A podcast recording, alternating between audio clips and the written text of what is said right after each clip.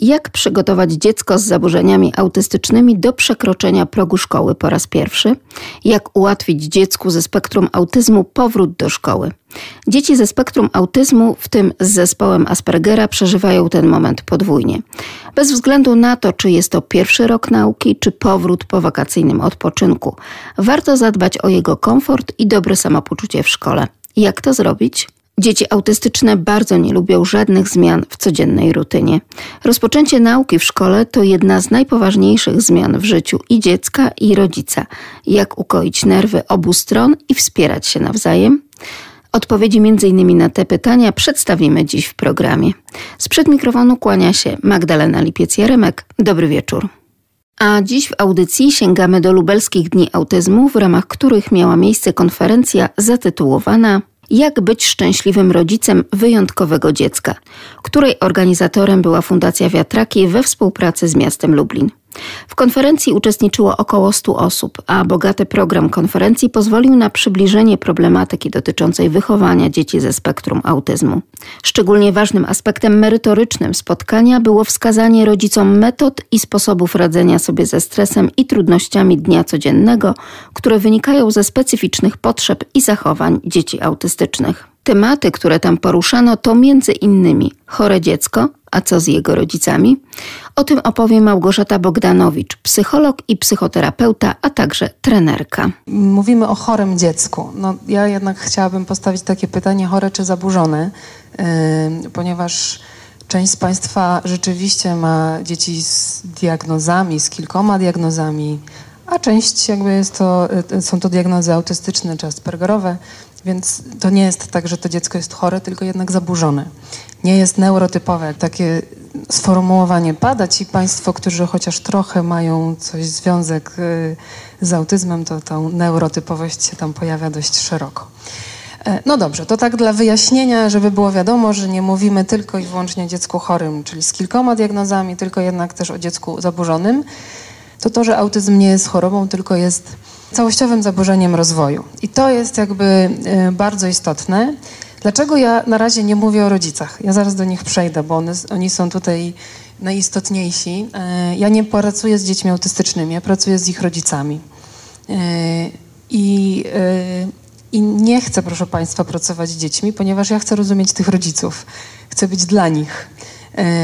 Nie chcę tego łączyć, bo to też chcę, żebyście zobaczyli jak to jest istotne, bo jak co, wkręcę się w dzieci, to co się zadzieje? To będę tak rozumiała te dzieci, że nie zrozumiem rodziców, nie? I, e, e natomiast y, no, w psychoterapii jednak pracuję z rodzicami. Mam jeszcze drugą y, grupę, którą uwielbiam i kocham, czyli to jest młodzież, y, z którą bardzo lubię pracować, więc to jest taka druga grupa, którą sobie bardzo cenię.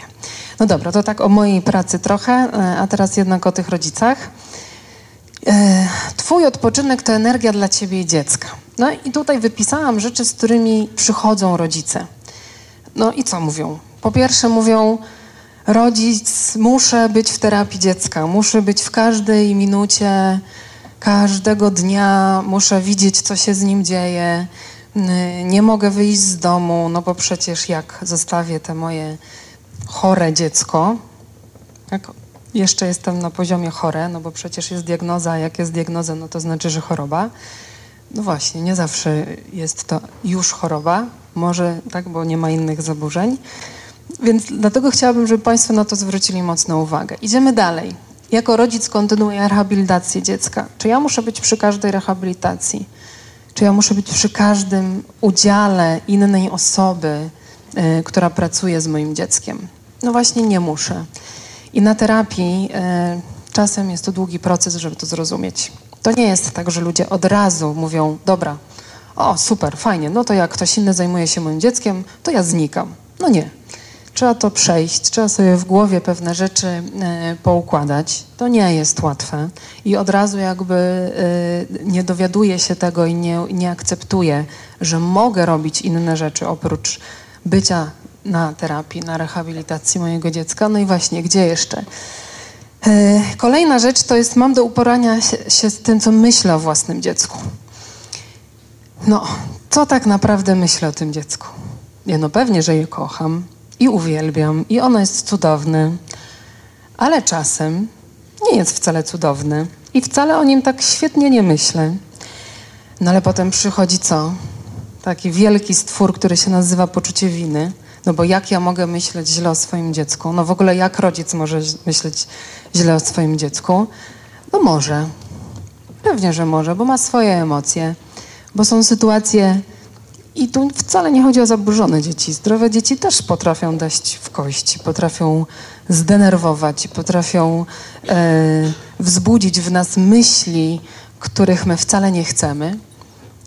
No i to na terapii, na grupie wsparcia e, z innymi rodzicami. Państwo spotkają się z tym, no tak, ktoś inny też tak ma. No i wcale nie jest złym rodzicem, po prostu jest człowiekiem. No co, jak idziecie do sklepu, to też was czasem pani czy pan wkurzy, nie? A co, dziecko nie może? Pewnie, że może. Przecież ono patrzy, co wy robicie i się zastanawia, wkurzony już czy nie wkurzony? Hmm? Udało się, czy się nie udało? Ale tak naprawdę to dziecku nie chodzi o wkurzenie, tylko sprawdza, na ile dostanie zainteresowania i w których momentach. Czy wtedy, kiedy wkurzy mamę czy tatę, czy w innych momentach też dostaje zainteresowanie, nie? Czy rodzic po prostu robi różne inne rzeczy, jak dziecko jest spokojne i wtedy ono zostaje samo, a wtedy, kiedy jest wkurzony, to wtedy dopiero tuli, przytula i próbuje usprawiedliwić swoją złość. Więc co, możemy się wkurzać na dzieci, tylko pytanie, co potem z tym robimy. To jest jakby istotniejsze i w jaki sposób się wkurzamy na te dzieci. Tak mówię o wkurzeniu, nie mówię o złości, no to takie delikatne, ta złość. O, tak, ja tam pozłoszczę się trochę. Nie, proszę Państwa, my się wkurzamy na dzieci. To nie jest tak, że one są takie cudowne zawsze i wspaniałe, choć je kochamy. Pewnie, że je kochamy. Nawet w złości Państwo je kochają. No bo jak inaczej? Jako rodzic mam też emocje, z którymi sobie różnie radzę. Trochę to powiązane ze sobą. E, jeszcze o tych przekonaniach i o tym, co myślę o własnym dziecku. Mm, to poczucie winy z poziomu tego, że mam inne dziecko, no bo przecież y, rodzice zdrowych dzieci, neurotypowych dzieci mają tak super. No okej, okay. natomiast mają Państwo wyjątkowe dzieci i ta praca z nimi rzeczywiście jest trudniejsza, zabierająca więcej czasu, ale to nie znaczy, że przestają Państwo być ludźmi, którzy mają swoje potrzeby i mają zbierać tą energię, żeby udało się E, z tymi dziećmi być. No co, koło się zatacza. Państwo się złoszczą, dzieci się złoszczą i w zasadzie już w tej złości zostajecie, a dzieci mają swoje jeszcze zaburzenia, z którymi muszą sobie poradzić. W związku z tym koło już jest tak szerokie, że co? Potem już żona, mąż też wkurza, a jak jeszcze nie daj Boże babcia przyjdzie i powie no córeczko, co ty robisz swojemu dziecku? Jak to? No masz zrobić to, to i to i będzie dobrze. A wy jesteście już na skraju wyczerpania i nie wiecie, co macie w zasadzie już zrobić. Zrobiliście już wszystkie metody, które powiedzieli, a babcia mówi, no nie, no przecież to nic takiego się nie dzieje. Zrób to i to i wszystko będzie w porządku. A wy wiecie, że to już nie zadziała. No i co? Potem trzeba wyjść z domu. I to jest najtrudniejsze, chociaż na chwilę. E, dam przykład e, swojego wychodzenia z domu, kiedy e, urodziłam swoją córkę. Ja pamiętam smak batona, który kupiłam w sklepie osiedlowym i chodząc dookoła bloku do tej pory. Kiedy po raz pierwszy powiedziałam, ok, 15 minut. Sklep jest 3 minuty od mojego bloku, żeby było jasne. A ja chodziłam wokół tak wolno, żeby zjeść tego batona. Pamiętam nawet jaki baton jest, już nie będę mówiła, żeby nie było reklamy. E, natomiast e, e, ta odwaga, żeby było jasne, moje poczucie winy wokół, ale z zegarkiem szłam, nie? żeby nie było, żeby nie było. Sobie wchodziłam i powtarzałam, potrzebuję tego, żeby chwilę odpocząć. Ja też chcę, ona się w maju urodziła, więc było słońce. Też chcę trochę słońca, ale sama, nie z wózkiem, nie z płaczem, nie z pieluszką. Ja pamiętam ten moment do tej pory. Trzeba było to zrobić. To był pierwszy raz, potem były kolejne. I żeby było jasne, to nie jest tak, że Państwo, ja będę Was dzisiaj namawiać, macie teraz zostawiać swoje dzieci i w ogóle zaczynać swoje życie, karierę i tak dalej. No nie.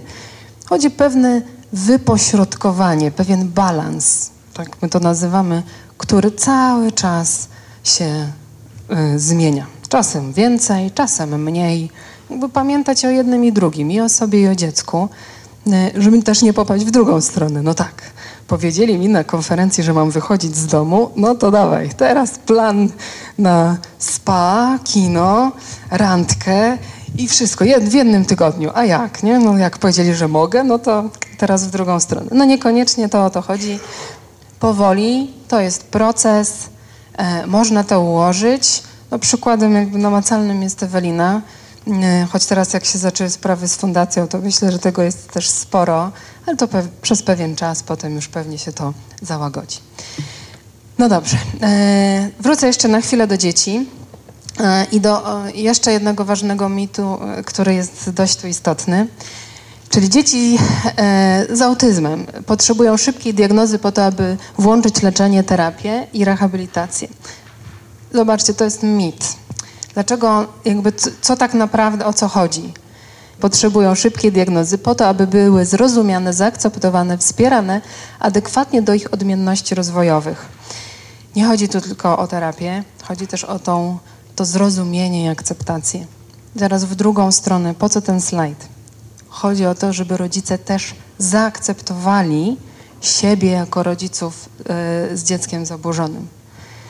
Nawet to, co spotykają jakby społecznie, te traumy, które się dzieją w sklepach, yy, w galeriach, kiedy te dzieci reagują niekoniecznie tak jak dzieci neurotypowe i to, co muszą przeżyć ze wzrokiem ludzi, którzy ich e, oglądają, to też jest ten etap tego zrozumienia, akceptacji własnej.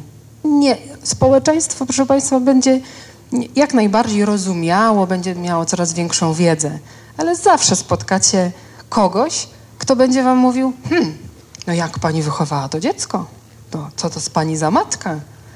Nie zrozumie, dlaczego to dziecko się tak zachowuje. No, nie ma takiej możliwości. Nie. Tak, żeby trochę skontrować, e, ja, ja swoją e, Marysię nosiłam w chuście. Nigdy nie pomyślałabym, że chusta będzie takim przyciąganiem pod tytułem do matki e, z dzieckiem w chuście można mówić i komentować. Nie?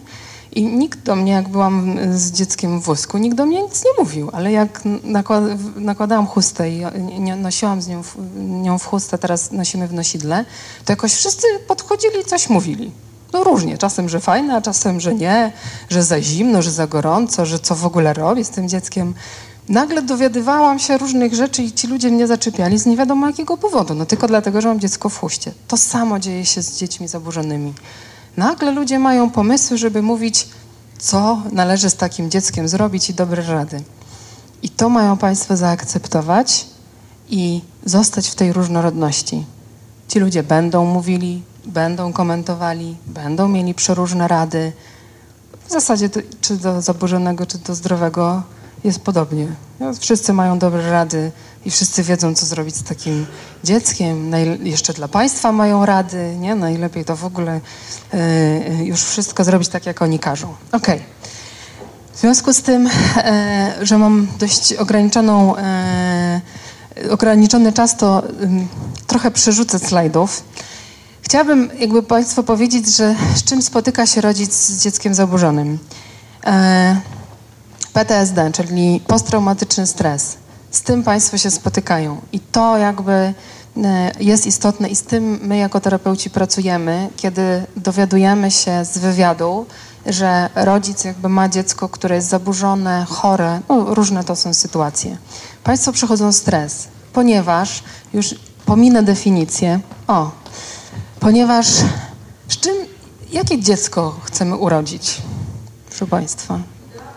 Idealne, nie?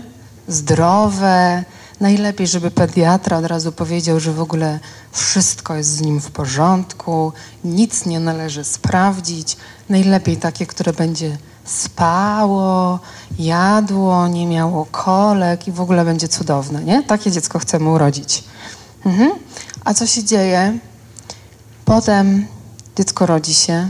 Może od razu być nawet w miarę ok, jeśli chodzi o dzieci zaburzone z ASD. W zasadzie na samym początku nawet Państwo nie zobaczą, że coś się dzieje, nie? będzie wszystko ok, a potem zacznie się diagnoza. To jest długi proces. To nie jest taki proces, że tam w pięć minut badanie, bach, bach i wszystko wiemy. To jest jednak proces. Trzeba zobaczyć, jakie, na ile to jest w ogóle zaburzenie, jakie zaburzenie, co należy zrobić. Więc Państwo przechodzą proces, który jest naprawdę traumatycznym procesem, ponieważ wtedy się wycina siebie. No bo co? Całe skupienie jest na dziecku. Wizyty u lekarzy, wizyty u specjalistów. Nie myślimy wtedy o sobie. Czasem nawet nie myślimy o tym, żeby się przebrać, umyć i zjeść. To jest dość istotne w takim momencie i należy też o tym pamiętać. W jaki sposób Twoje dziecko jest wyjątkowe i co zmieniło w Twoim życiu? Tym też się zajmujemy jakby na terapii, żeby pokazać, nie, że ten czas już nie będzie czasem e, z tego myślenia, jakie dziecko chce urodzić idealne, zdrowe, niezaburzone, tylko teraz już to życie będzie wyglądało inaczej, ja mogę sobie też je inaczej poukładać. No dobra, to teraz na szybko, żeby pokazać, z czym pracujemy. Ja pominę, to jest wiedza podstawowa dotycząca PTSD, można sobie to przeczytać w internecie. Natomiast chciałabym zwrócić uwagę, e, to, czym my się zajmujemy na terapii. E, ponieważ jest to terapia kryzysowa, więc najpierw zaczynamy od kryzysu, a potem dopiero zaczynamy już od e, takich trwalszych zmian. Mm, Ewelina to przechodziła, czyli najpierw było dużo gadania o tym, co się dzieje, jak się dzieje, co z tym zrobić, a dopiero potem tak naprawdę e, z, z poziomu osobowości i takich zmian, które jak Państwo widzą dopiero mm, rodziły się przez dwa lata. Terapia nawet jak się kończy, w sensie przychodzenia, to nie kończy się w życiu. Czyli te wszystkie zmiany nie muszą być wprowadzane od teraz. I tak też usłyszała, czyli jak przyszła z, po, z pomysłem fundacja, to co? To ja nie tak, proszę pani, proszę iść, zakładać i wszystko naraz. No nie. Wtedy usłyszała, dobrze, świetny pomysł, natomiast powolutku. Jak będziesz gotowa, zaczniesz. I tak się stało. Po dwóch latach się odezwała, że już fundacja jest i można zaczynać pracować. E, wspieranie adaptacyjnych umiejętności radzenia sobie. To jest to, co się e, dzieje na początku. Wypoczynek, relaks, małymi krokami. Pójść na zakupy na pół godziny. Pół godziny zostawienia dziecka, które właśnie jest zdiagnozowane albo zaczęło rehabilitację, to jest bardzo dużo. Ale samej albo samemu. I kupić coś sobie, a nie dziecku. I chodzić i pamiętać, nie wolno wejść do sklepu z ubraniami dla dziecka albo z zabawkami. Chodzę tylko po sklepach, gdzie kupuję coś dla siebie. Nawet jak nie znajdę, to kupię sobie batona. No, ja cały czas chodzę i przez te pół godziny, nawet jak nic nie kupię, to i tak to jest istotne. Ja wiem, że może Państwu czasem się wydaje, że ta historia jest taka przezabawna. Natomiast y, kiedy pracujemy z rodzicami dzieci zaburzonych, dla nich te pół godziny to jest w ogóle jak nagroda Oscara. E, przynajmniej na samym początku. Później to już normalne. Daję radę raz, to dam radę po raz kolejny, po raz kolejny. Nic się przez te pół godziny nie wydarzyło, więc mogę jakby znowu wyjść. To jest dość istotne. Normalizowanie. Płaczesz, śmiejesz się, masz powód. Czyli powiedzenie, że mogę iść popłakać i nie muszę być zawsze twardy i żeby dziecko nie zobaczyło, to jest kolejny jakby krok. No bo jeśli ja płaczę, czy się śmieję, e, czy, jest, czy się złoszczę, to znaczy, że mam powód. No i co, na terapii Państwo mogą usłyszeć, mówię nie tylko o terapii jeden na jeden, ale też y, ta terapia grupowa jest dość istotna, no że przecież mogę. No że przecież mam emocje. Nie muszę tylko przeżywać emocji swojego dziecka, ale ja też mogę różne mieć emocje i to nie jest nic złego. Szczególnie mówimy o tych emocjach pod tytułem ogromny smutek, żal, złość, taka bezradność, z którą się spotykają rodzice dzieci zaburzonych, że, że to jest coś, z czym i tak się mam spotkać, a jak będę zaprzeczał i będę udawał, że tego nie ma i będę tylko myślał o tym, że to dziecko ma jakieś emocje, to to potem y, dzieje się w psychosomatyce. Mogę? Ewelina. E, Ewelina przyszła z zaburzeniami no, prawie neurotycznymi, chociaż nic tam nie wskazywało, czyli omdlenia, ogromne bóle głowy. E, no i jakby powoli, powoli na terapii, oczywiście to się cały czas działo, to nie jest tak, że to przychodzi, tylko powoli, powoli zaczynało to znikać. E, ale pewnie jak się pojawia stres, to znowu są omdlenia i tak dalej. Akurat ten przypadek tak ma. Inne przypadki mogą mieć zupełnie inne jakby psychosomatyczne objawy i należy o tym pamiętać. Idziemy dalej. Zmniejszenie unikania, czyli rozmawiania z innymi ludźmi, mówienia o tej sytuacji, mówienia wprost, nawet tym paniom czy panom zaczepiającym na ulicy i mówiącym rady, mówienia wprost. To jest takie dziecko. Jak pan nie wie, to pan sobie przeczyta. I już. Nie? Może, można. A co? E, ja do tego zachęcam nawet, proszę Państwa, żeby Państwo mówili, że jak dziecko się zachowuje w y, sposób nieodpowiedni, to trzeba powiedzieć, a wie Pan, co to jest autyzm, że takie jest zaburzenie? A to Pan się dowie. No i ciekawe, co, jak ludzie będą zareagować. Proszę sobie zrobić taki eksperyment. E, zmiana atrybucji, czyli interpretacji tego wydarzenia. I to jest, ja, ja tak już na koniec, to jest najistotniejsze, czyli czy ja myślę o swoim dziecku jako chorym, zaburzonym, czy być może już zaczynam myśleć jako o wyjątkowym dziecku.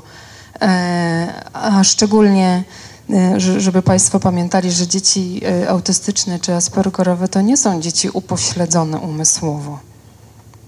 Nie tak, żeby sobie to uzmysłowić, że to nie są dzieci, które są głupie. No nie. A nawet dla nich nie do końca dobrze, nawet są mądrzejsze niż inne dzieci nie do końca dobrze, bo nielubiane są w szkole i społecznie nie do końca. To, to jest kolejna trauma, którą przeżywają rodzice. Dziecko idzie do szkoły i czasem wie więcej niż e, jego rówieśnicy, bo tak fascynuje się jakimś tematem, że jest w stanie powiedzieć wszystko na dany temat. Nawet więcej niż nauczyciel w 1-3, bo on tak bardzo lubi dinozaury, że no, nauczyciel nie musi wiedzieć wszystko o dinozaurach, nie? nie? Nie jest specjalistą, a to dziecko potrafi mieć wiedzę z poziomu specjalisty. Bo tak ma, bo ma takie hobby, bo to lubi. No, tak też się zdarza. W grupie Siła i szybko rady dla rodziców. E, bardzo błahe rady, takie banalne można by było powiedzieć, ale istotne i tak też pracuję że te rady idą powolutku. To jest proces, nie wszystkie naraz. Umów się na randkę z małżonkiem czy partnerem, partnerką. Ewelina wspomniała o randce. Ile z miesiąc, nie ta randka, zanim doszła do skutku. E, bo to tak wygląda realnie. To nie jest tak, że Państwo mówią, o, umówię się na randkę i ona jest jutro. No nie, ją trzeba zaplanować, dogadać się, załatwić opiekę, e, przetrawić w swojej głowie, że macie pójść i na ile czasu. No to, to jest cały proces, który trzeba w sobie jakby zbudować. E, dziś jecie tylko to, co, to, na co ty masz ochotę. E, zamów do jedzenia swoje ulubione danie. Zaplanuj wyjście z rodziną do. I tutaj e, do wyboru, ale te, e, polecam do takiego miejsca, które wy sami chcecie zobaczyć. Trudno, trzeba to przeżyć, zacząć wychodzić, nawet z dzieckiem zaburzonym. A i tak jak mówię, to mówcie tym. Wszystkie mają dziecko autystyczne i co pan powie? Nie? A co to? Niech se gadają. E, umów się z koleżanką, kolegą na rozmowę o niczym. Mm, czyli żeby poplotkować o sobie, o, o, o tym, co na świecie.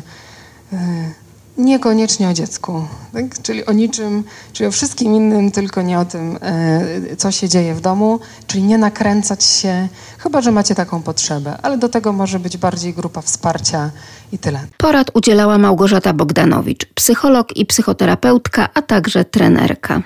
Judyta Jabłońska, psycholog, przedstawi psychoprofilaktykę radzenia sobie ze stresem jak można wykorzystać stres, jak można praktycznie skorzystać tak, z tej fali, z tej energii, którą daje nam stres, ponieważ e, no, stres ostatnio ma nie najlepszą prasę. My, my zapominamy, że to tak naprawdę jest dobrodziejstwo, e, które można wykorzystać. A tak w ogóle chciałam Państwa bardzo serdecznie przywitać i cieszę się, że jest tyle nas tutaj, ponieważ mózg, który widzi ludzi, który, który widzi grupę, E, automatycznie staje się mózgiem zrelaksowanym, tak? Ponieważ jesteśmy ludźmi, e, którzy dążą do tego, żeby być w grupie. Dlatego też zakładamy rodziny, dlatego też chcemy, żebyśmy byli kochani, wspierani, żebyśmy mieli po prostu dla kogo żyć, dla kogo to robić, tak? Mm, Tak jak już wspomniałam, stres jest tak naprawdę bardzo ważny dla nas, tak? Dla nas, żeby przeżyć, w ogóle, żebyśmy mogli się rozwijać jako ludzie. No i nieodzowną częścią rodzicielstwa jest stres. Tak jak już wspominałam wcześniej Gosia, no, rodzicielstwo to jest wyzwanie. Ja poznałam ten fakt, czym jest stres w rodzicielstwie jakieś 6, 6 lat temu. A, tak, ale właśnie zaczęłam widzieć, to, jak bardzo stres pomaga nam na co dzień, żeby, żeby w ogóle stawiać czoła, tak? Przecież Ewelina jest przykładem, tak? Dla swojego dziecka, dla swojego, e, dla dobra rodziców zorganizowała siebie, tak? E, wyznaczyła sobie cele, wiedziała, że coś się dzieje, zaczęła o siebie dbać i złapała wiatr w żagle, tak? Popłynęła. Także to wszystko dzieje się na początku ciąży, kiedy rodzice spodziewają się dziecka, tak? Dojrzewamy do tego, żeby zostać rodzicem, mobilizujemy się, mamy mają kryzysy wewnętrzne, nie zawsze są rozumiane przez, przez społeczeństwo, przez otoczenie, przez najbliższych, ale to tak ma być, po to, żeby ta energia mogła skumulować się w trakcie porodu i przyjściem na świat drugiego dziecka. Tak? Oczywiście jeszcze, jeżeli poród e, przebiega w sposób e, taki, jaki chcieliśmy, tak? Jeżeli nie był e, źle zmedykalizowany, tak? Jeżeli podczas porodu nie wydarzyły się żadne e, trudne sytuacje, to wtedy angażujemy się dalej po to, żeby poznać nasze dziecko, żeby nawiązać z nim relacje. I szanowni Państwo, kolejny raz odwołam się do tego, jak nasze ciało jest cudowne, jak my mamy tak naprawdę wszystko, żeby nawiązać tą relację z naszym dzieckiem. Oksytocyna, hormon szczęścia, który wydziela się tuż po porodzie, tak, do tego, żeby nawiązać tą więź z naszym dzieckiem i żeby je pokochać, żeby poznać jakiego człowieka. Oczywiście, e, tak, jak, tak jakbyśmy witali gościa w domu, to nasze dziecko jest takim gościem, którego nie możemy za bardzo wyprosić. Ono po prostu jest, no i musimy e, no, zacząć go poznawać. Jego potrzeby, tak, okazują się ważniejsze niż nasze. To, że e, córka chce jeść co trzy godziny, no nie ma dla niej zbyt dużego znaczenia, że ja chcę w tym czasie spać. Tak? E, no i wszystkie nieprzespane noce, wszystkie nieodreagowane emocje, wszystkie niewypłakane hormony, że tak się wyrażę, tudzież jakieś zawody, które płyną od strony e, rodziny, zaczynają się nam kumulować. I zaczynamy tracić to, co jest dla nas bardzo odżywcze w stresie i w którym, kiedy możemy po prostu dalej funkcjonować, to zaczyna się kumulować. Stresem jest też zmiana ról społecznych, tak? Tutaj Gosia też już wspominała o tym, kiedy babcia przychodzi i coś tam nam zaczyna mówić, tak? No ale to my zaczynamy być rodzicami. To my mamy prawo decydować o tym, jak nasze dziecko jest wychowywane. My mamy prawo do tego, żeby wybrać taką mieszankę, jeżeli chcemy karmić butelką, mamy prawo do tego, żeby karmić piersią, jeżeli tego chcemy. Jeżeli mamy ochotę zmieniać tetry, to zmieniamy tetry, jeżeli chcemy pampersy, wybieramy pampersy. Nikt nie ma prawa decydować o tym, jak będziemy wychowywać nasze dziecko. Tak? Bardzo często niestety takie zdetronizowanie naszych rodziców do pozycji dziadków, dziadków bywa dla nich trudne. I oni nie mogą sobie jakby dać rady z tym, e, że ich rola się zmieniła. Jednakże tutaj też pojawia się ten element pozytywnej zmiany. Konfrontacja, której nie możemy unikać, z którą musimy się zmierzyć po to, żeby wszystkim było później e, łatwiej. No i też to, jak wielkie zmiany niesie za sobą bycie mamą lub tatą. Jeżeli chodzi o rozwój naszego ja, o rozwój naszej tożsamości. Nie tylko jestem Judytą, nie tylko jestem psychologiem, nie tylko jestem koleżanką, córką, mamą, tak? Właśnie, ale mamą zaczynam być, tak? I jaka jestem jako mama? Gdzie się zaczynam ja? Gdzie się zaczynam ja jako mama? Co mnie odróżnia na przykład od ja mamy i ja córki, tak? A może widzimy elementy wspólne? Bo nagle okazuje się, że przerzucam to, jakim chciałam, jak chciałam być traktowana, tak? I traktuję tak swoje dziecko dając cukierka, kiedy płaczę, tak? Bo ja nie dostawałam, tak? Także y, to wszystko jest nam potrzebne. Te zmiany są nam potrzebne. Uwierzmy w to, że wszystko, co się z nami dzieje, ma mieć pozytywny efekt. Jedyne, czego nie możemy zrobić, to tego zepsuć i jakby dozwolić, y, doprowadzić do tego, że skumulujemy za dużo tej energii i nie rozprowadzimy jej w działanie, jakiekolwiek. No i tak, kiedy już mamy dziecko i ono zaczyna sobie rosnąć, każdy rodzic zadaje sobie pytanie, no nie tylko kim będzie moje dziecko, w sensie jaki, jest, jaki będzie miało zawód, tylko y, jakim człowiekiem będzie. Tak? Chcemy nadać mu cechy, chcemy móc go poznać bardziej. Oczywiście, kiedy zaczyna bawić się w grupie albo koleżanki wpadają z dziećmi w podobnym wieku, obserwujemy tak schyłka. Co moje dziecko robi trochę lepiej, tak? Co robi trochę gorzej. Naturalnie analizujemy, naturalnie przyglądamy się, naturalnie doszukujemy się wyjątkowości naszego dziecka. Tak? Ale też chcemy, ponieważ chcemy podążać za jego, za jego talentami, tak? Chcemy rozwijać te talenty. No i chcemy mu pomóc pokonywać jego trudności. Jednakże każdy rodzic, myślę, każdy, niezależnie od tego, czy jest rodzicem dziecka z różnym spektrum zaburzeń, z różnym, czy zdrowego dziecka finalnie, e, bądź też niezaburzonego dziecka, ale tak jak wcześniej padało, no każde dziecko tak, ma swoje potrzeby. Zastanawiamy się, czy na pewno jest wszystko w porządku, czy czegoś nie przeoczymy, tak? W momencie, kiedy pojawia się element konfrontacji z rzeczywistością, jest to czas niezwykle wymagający. Tak? Stres związany z całym procesem diagnostycznym i z samą diagnozą, która jest zapada, rzeczywiście nosi miany, miano um, zaburzeń pourazowych. Tak? Czyli po ostrym stresie, do którego my nie jesteśmy w stanie się zaadaptować, który nas przerasta, w sensie przerasta zdolności nasze poznawcze, emocjonalne i psychofizjologiczne do tego, żeby sobie poradzić z tym. Tak? Jakiś czas temu, e, chyba z 15 lat, była taka informacja, że na Lubelszczyźnie po Sylwestrze odnaleziono całe grupy ptaków martwych, które leżały gdzieś na ziemi. E, okazało się, że e, po prostu fajerwerki tak je wystraszyły, że zmarły w locie i spadły. To się właśnie dzieje w trakcie nadmiernej reakcji na stres. Na przykład małe dzieci, które nie mają możliwości adaptacji, również mogą, taki duży stres może zabić. Dorośli, oczywiście mamy, po prostu nasz układ nerwowy jest bardziej dojrzały, nasz mózg, nasza psychosomatyka jest bardziej taka spójna, skonsolidowana do tego, żeby nas chronić na każdym kroku, no ale PTSD e, jest zaburzeniem, które rzeczywiście można wyróżnić po, po takim trudnym czasie, jakim jest w ogóle diagnoza um, dziecka. Następnie sam proces rehabilitacji, sam proces leczenia nosi miano stresu chronicznego. I tutaj, Szanowni Państwo, naukowcy coraz, coraz, coraz mniej mają wątpliwości co do tego, co się dzieje, kiedy stres chroniczny działa, jak bardzo na nas wpływa, jaki negatywny efekt może mieć. E, jak sobie Państwo sądzicie, kiedy stres, jak, ile czasu powinien trwać stres, żeby był dla nas dobry? Mają Państwo jakieś e, pomysły? Głośno. Tak, ile? Godzinę? Dwa tygodnie? Okej, okay.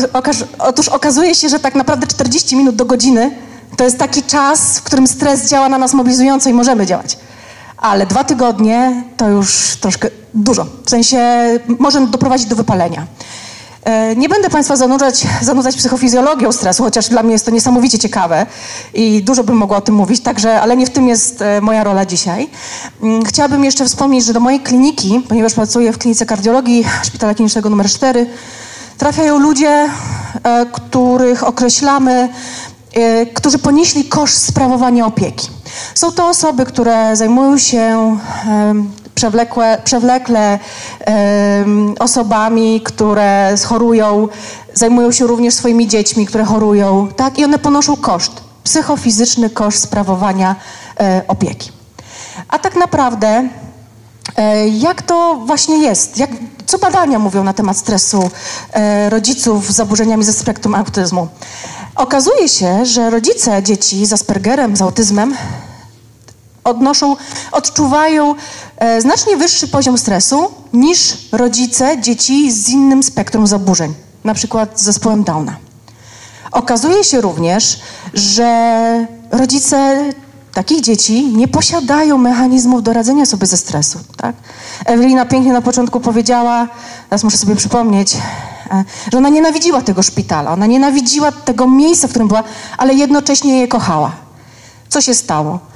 To się nazywa pozytywne przewartościowanie, tak? I tutaj upatruje się siły, jaką Ewelina ma. Potrafi pozytywnie przewartościować. To jest ciekawe, ponieważ rzeczywiście badania potwierdzają to, że w momencie, kiedy my zaczniemy widzieć inaczej stres, zaczniemy inaczej się do niego odnosić, zaczniemy widzieć pewne formy jakby wyzwania, które stres niesie, on się zrobi dla nas mniej szkodliwy.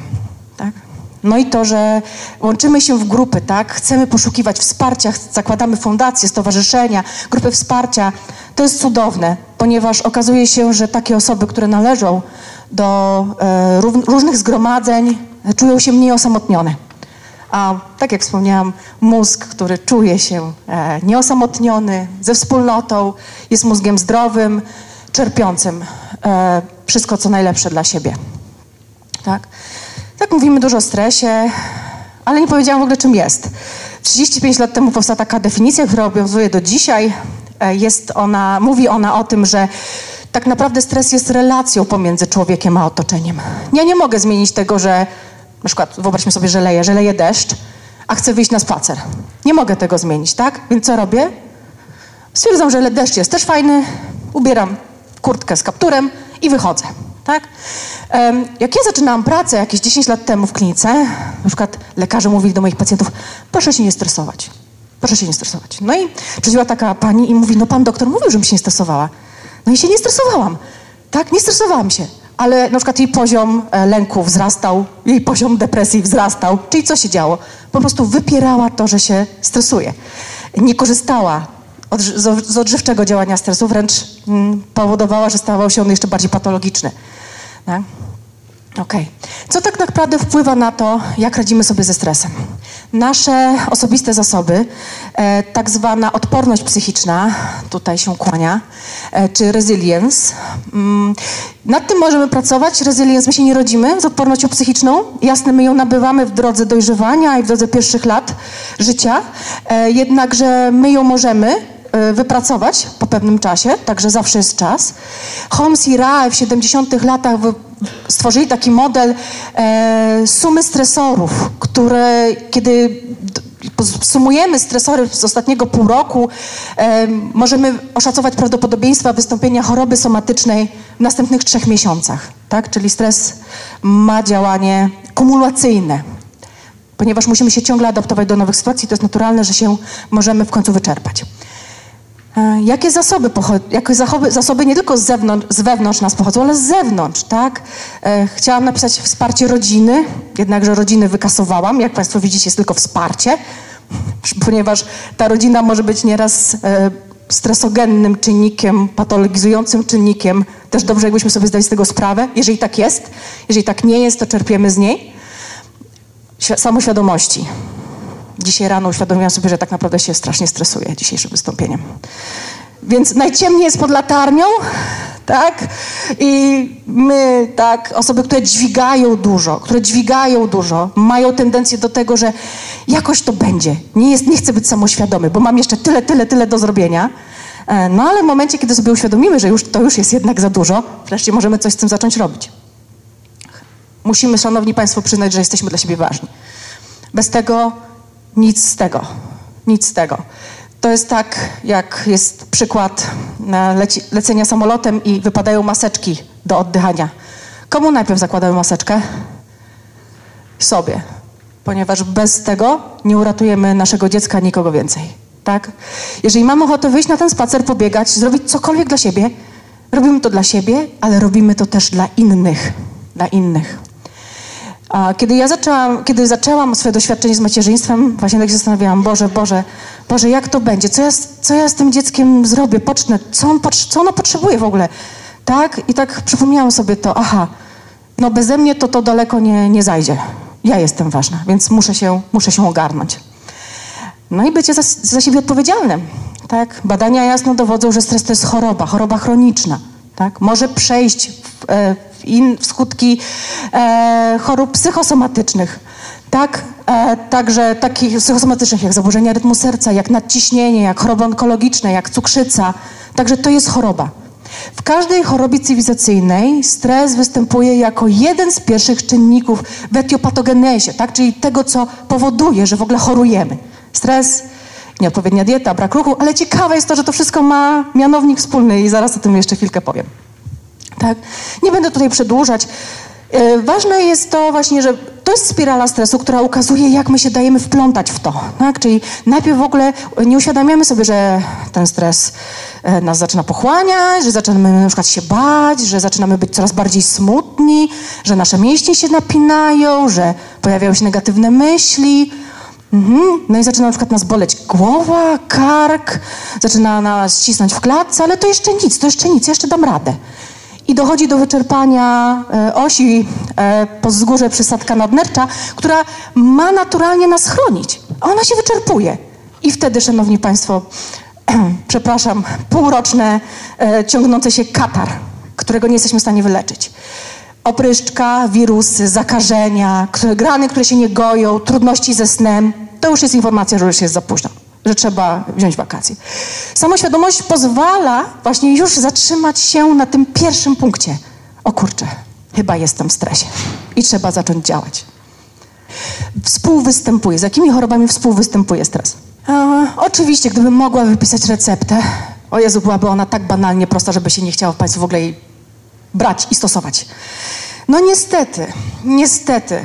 E, to jest właśnie czas, w jaki żyjemy tak? Nie na wszystko jest pigułka. Stres podobno można leczyć neurochirurgicznie. Osoby, które mają zaburzenia PTSD, żołnierze, tak, mają wycinaną część mózgu, bądź też przecinaną, łącznik i są zdrowi. Ale ja nie zachęcam, zdecydowanie. Może być to wręcz odwrotny skutek. Mianowicie psychoprofilaktaka to jest takie żmudne działanie. Żmudne.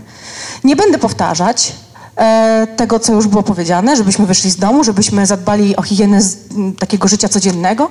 Na przykład na pół godziny przed pójściem spać nie korzystali z ekranów, e, ekranów jakichkolwiek, ponieważ zaburza, niebieskie światło zaburza wytwarzanie melatoniny i trudno nam jest spać, źle nam się śpi, nie regenerujemy się tak. Musimy, Szanowni Państwo, pamiętać, żebyśmy przykładali uwagę do tego, co jemy. Tak? Jak się odżywiamy, w jaki sposób jemy, z kim jemy. Badania dowodzą coraz częściej, y, potwierdzają łącznik pomiędzy nieprawidłowym odżywianiem, znaczy się w biegu szybkim, nieprawidłowych produktów, te, które nas nie odżywiają, do tego, że stres działa na nas bardziej. A tym bardziej na przykład jeszcze po stresie zaczyna się, zaczynają się chroniczne problemy z nastrojem, z depresją. Odnajdujemy ruch, który lubimy najbardziej. Poza tym praktykujemy um, jakąś formę um, a, nazwę to medytacji, tak? Ponieważ e, ja, ja generalnie używam tego słowa. I mm, medytacja tak naprawdę nie jest niczym niezwykłym. Ja to traktuję jako ćwiczenie dla mózgu. Jeżeli ćwiczymy nasze mięśnie, tak samo ćwiczymy nasz mózg do tego, żebyśmy nie odtwarzali milion razy zdarzenia, które nas na przykład zestresowało. O Jezu, ona tak powiedziała, tak powiedziała, a teraz to bym jej tak odpowiedziała. A nie, nie, może tak by było lepiej. A nie, a może tak, a może tak, a może jeszcze inaczej. No właśnie. Czyli zobaczcie, nie dość, że nas tam ta sytuacja wkurzyła, to co my robimy? Przez cały dzień, bądź też przez dwa tygodnie fundujemy sobie cały czas pobudzanie osi. Cały czas. Ponieważ nas, nasz mózg nie rozróżnia, co jest rzeczywistym zagrożeniem, a co jest naszym wyobrażeniem. Także my musimy znaleźć ten moment, kiedy e, kończymy to. W sensie narrację naszego mózgu. No i niestety liczy się regularność, tak jak we wszystkim. Jakie są formalne zajęcia, które mogą Państwu przynosić e, odpoczynek i relaks, tak? Zadbanie o siebie. Ja sama, kiedy mm, właśnie zostałam mamą, kiedy apogeum stresu sięgało zenitu, ponieważ w trakcie E, jeszcze pozostania mamą pisałam doktorat, kończyłam go, w sensie zaczynałam, kończyłam, wszystko naraz. Trafiłam na zajęcia z redukcji stresu w oparciu o metody mindfulness i na tym też skupiłam się pisząc swój doktorat. Nie tylko moje badania, ale badania innych e, światowej sławy naukowców potwierdzają skuteczność e, oddziaływań opartych na uważności. Moje badania tylko mm, prowadzały uważność na 10 dni, a już po 10 dniach e, depresja u tych u osób, które praktykowały, spadała do zera. Brak było objawów depresji, już tylko po 10 dniach. Psychoterapia, jak mówiła Gosia, na początku wspierająca, później, że jest taka potrzeba, e, psychoterapia już lecząca, przynależność do fundacji lub stowarzyszeń, grupy wsparcia, które, no, których potrzebujemy. Chciałabym Państwa, ja wiem, że już straciłam czas, w sensie straciłam, straciłam czas, ale chciałabym Państwa zaprosić do bardzo krótkiego ćwiczenia, naprawdę, e, do takiego, które mi pomaga i które, mm, które jest ze mną zawsze, ponieważ zawsze jest ze mną kto? Nasz oddech. Stres? Nie, no nie, oby nie był cały czas. Oby nie był cały czas. Nasz oddech jest z nami cały czas. Także dajmy się teraz chwilę jemu ponieść. I e, w momencie, kiedy Państwo zdecydujecie się, że jesteście gotowi na to, żeby się ze mną przyłączyć do ćwiczenia, e, przyjmijcie wygodną pozycję, oprzyjcie obie nogi na ziemi. E, tak, po prostu dajcie sobie chwilę przestrzeni. No i zaczynamy. Skieruj wzrok gdzieś miękko przed sobą, jakiś jeden, jeden punkt. Jeżeli czujesz się komfortowo na tyle, żeby zamknąć oczy, możesz to zrobić. Możesz to zrobić. I zwróć uwagę na to, jakie doznania pojawiają się, gdy oddychasz.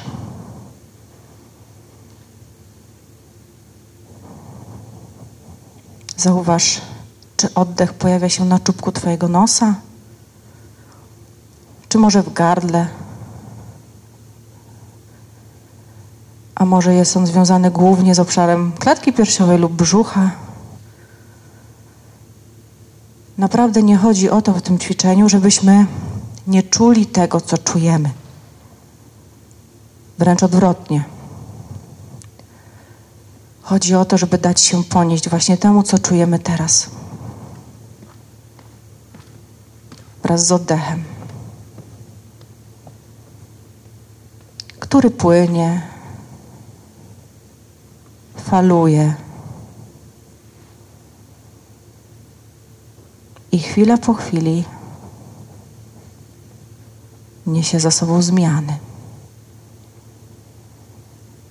Daj sobie chwilę, żeby poczuć te zmiany. Poczuj, jak to jest, kiedy robisz wdech. Poczuj, jak to jest, kiedy robisz wydech.